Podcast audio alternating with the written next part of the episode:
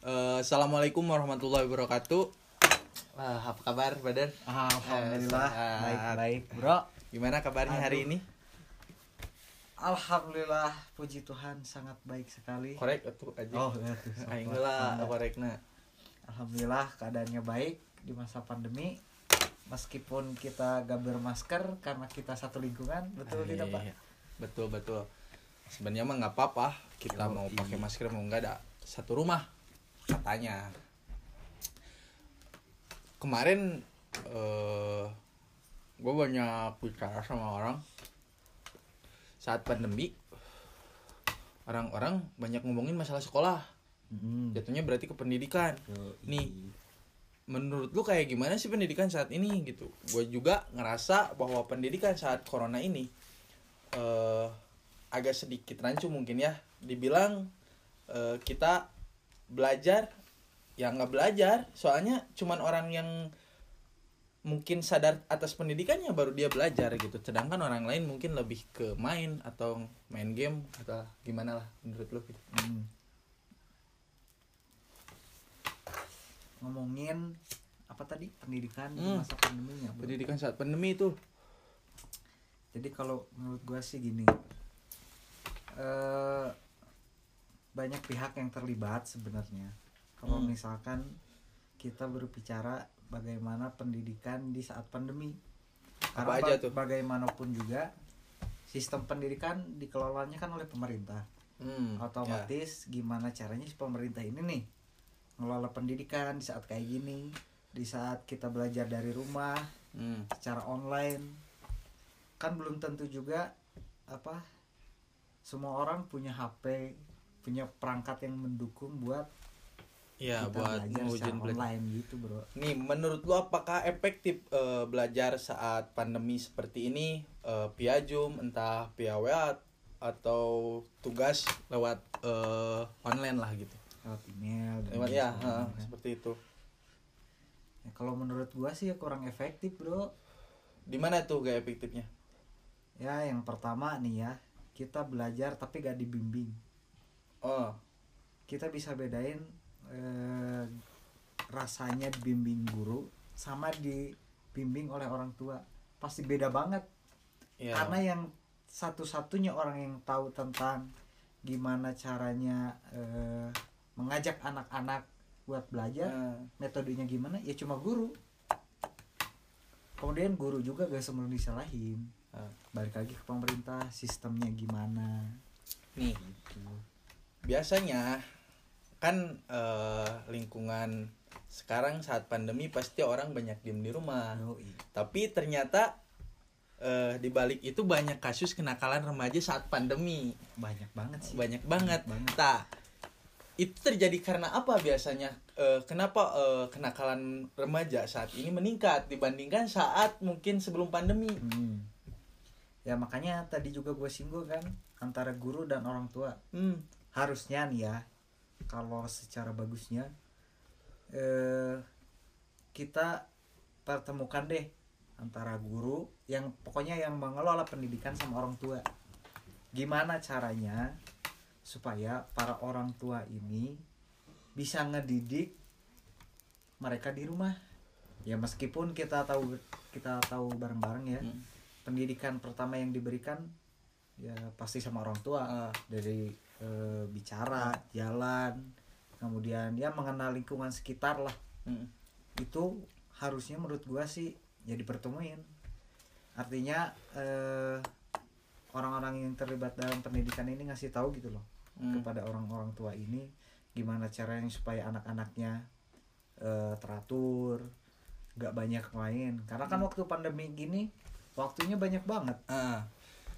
kalau misalnya gini nih bahwa gue berpandangan kalau misalnya eh, pandemi ini berlanjut 2 sampai tiga tahun lagi mungkin eh, kalau sistemnya apakah harus ada bimbingan khusus nih buat orang tua supaya bisa membimbing eh, anak-anak di rumah? Atau mungkin eh, apa si anak gimana caranya kita ngasih ngarahan ke anak supaya disampaikan sama orang tuanya kan guru udah nggak mungkin nih buat Hmm. datengin eh, orang orang tua atau muridnya satu-satu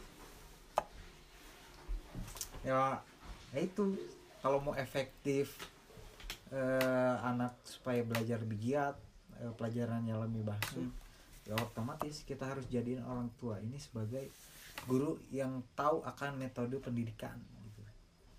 jadi harus banget orang tua eh, guru sama apa murid ini harus punya chemistry yang Yoi. eh, Wajib banget itu, kesadarannya harus ditingkatkan Iya. mungkin ya kalau misalnya gini nih kita eh, mulai eh, apa sekolah seperti dulu lagi sebelum covid kita di mana eh, murid ketemu gurunya secara langsung di kelas apakah mungkin akan terjadi saat covid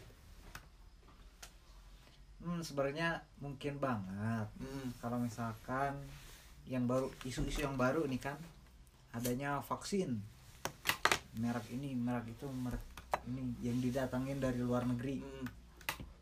dan yang yang mau gua agak sentil dikit sebenarnya adalah efek dari vaksin ini kita belum tahu gitu loh sebenarnya kalau misalkan vaksin ini kita tahu eh, efek baik buruknya itu bagaimana enak buat kita ngejalanin hidup eh, seperti sedia kala gitu sebenarnya berat lah. Berat. Urusan pendidikan saat ini eh, apalagi ditambah eh, covid. Mungkin eh, buat angkatan-angkatan yang sekolah ketinggalan jauh waktu zaman-zaman kita. Di mana waktu kita sekolah emang bener masuk jam 7 tingkat kedisiplinan kita pun men- meningkat kan. Kalau sekarang eh, guru atau dosen ngasih tugas di mana kita saat bangun siang atau apa tapi ada jangka waktunya siang mungkin ya kayak gitu. Kalau menurut lo nih kalau misalnya si murid eh, apa memiliki jam-jam tertentu tuh jadi batasan waktu untuk pengerjaan Hmm. efektif nggak saat ini gitu? Apalagi gue eh, berbicara kalau di daerah salah satu yang jadi masalah adalah teknologi. Gak semua orang mempunyai teknologi yang sama Benar, seperti orang-orang di kota. Ini yang jadi masalah. Mungkin buat eh, orang-orang di di pedesaan di mana teknologi eh, dan pendidikan nggak bisa jadi satu gitu. Hmm, susah banget. Soalnya kalau kita ngomongin desa dan teknologi, sebenarnya kalau gak ada orang yang mumpuni yang mengelola teknologi di desa itu ya sama aja bohong, zong jatuhnya. Karena kan orang tua orang-orang zaman dulu ya belum belum melek terhadap teknologi gitu. Ya paling baru melek sama Facebook, WA. ya kan? Justru itu ketika gue datang ke pedesaan, nggak semua orang tua ngerti terhadap handphone teknologi terbaru, bahkan lebih eh, dibilang lebih pintar anaknya gitu Lebih daripada orang anaknya. tuanya. Eh, Soalnya karena perbedaan zaman, terus eh, telatnya eh, teknologi di pedesaan itu malah jadi hambatan gitu Hmm.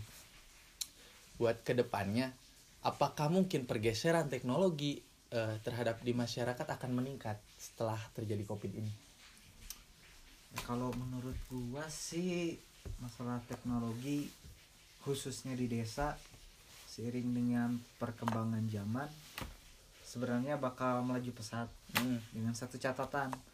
Ada stakeholder stakeholder yang mampu meningkatkan teknologi di daerah. Artinya eh, mensosialisasikan nih ada teknologi bisa membantu kehidupan sehari-hari sehari-hari. Kalau di kan kita udah kenal namanya smart city. Smart city ini adalah eh, konsep pembangunan baik itu sumber daya alam pelayanan pemerintah Hmm. berbasis pada teknologi. Ya. Gitu. Yang jadi kendala ternyata bukan penyebaran teknologi saja tapi salah satu adalah ekonomi nih. Ekonomi. Ekonomi eh, ternyata warga pedesaan pun eh, bukan tidak menyanggupi untuk membeli teknologi cuman mereka lebih mengutamakan sandang pangan daripada teknologi ini.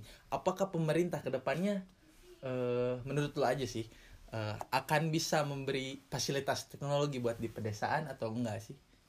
Ya ini berpandangan aja lah gitu. Ya, ya kalau menurut gua sih harusnya bisa ya. Dengan dana pendidikan yang segitu besar dengan hampir berapa puluh persen ya? Hampir 20 sampai 30 persen lah dana pendidikan dari eh, APBN, APBD itu baru APBD dan APBD belum dari kas daerah belum dari belum dari sumbangan. Seenggaknya seenggaknya ngasih satu HP ke tiap anak. Gitu. Satu HP buat satu anak. Tapi menurut gua terlalu sulit sih lihat sulit eh, buat anggaran bidik misi pun terkadang dana turun dari pemerintah tuh lambat gitu. Eh oke lah eh, kita jauh ngomongin di luar pandemi nih. Eh, waktu sekolah zaman lu SD seperti apa sih gitu zaman zaman lu SD eh apakah perbedaan eh, zaman waktu lu masih SD sampai sekarang bedanya di mana gitu Hmm, tergantung eh, dari kebijakan daerah ya kalau sekolah dasar hmm.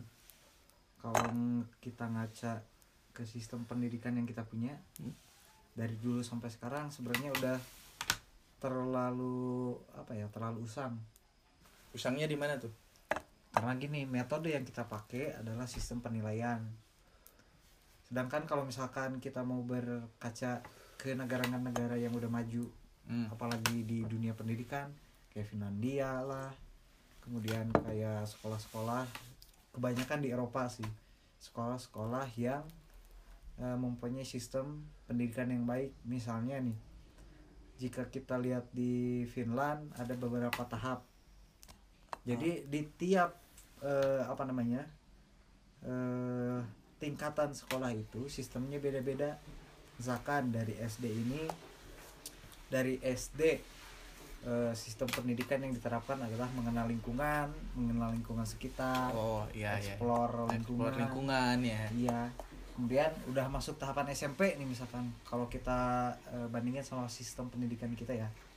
Kalau misalkan udah SMP mereka udah fokus eh, udah ngebayangin kira-kira gua kalau udah gede nih mau jadi apa nih? Udah ada plan. Udah ada plan pengarahan iya ya. jadi di SMP itu udah lebih diarahin mau ke mana.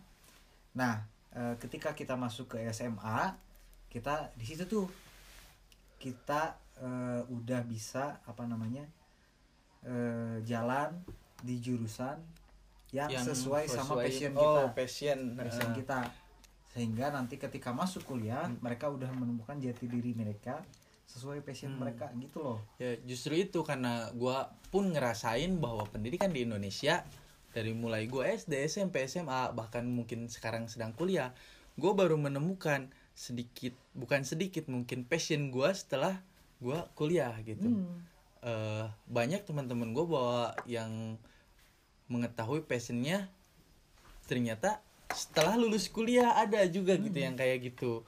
Entah mungkin yang eh, apa mereka tidak menggali eh, tentang passionnya mereka masing-masing ataukah apa ke ada kesalahan di bidang pendidikan kita yang mungkin eh, si siswa tidak menyadari passionnya di mana gitu Nah, nah itu yang jadi pekerjaan rumah eh, bagi terutama di, bagi Indonesia ya.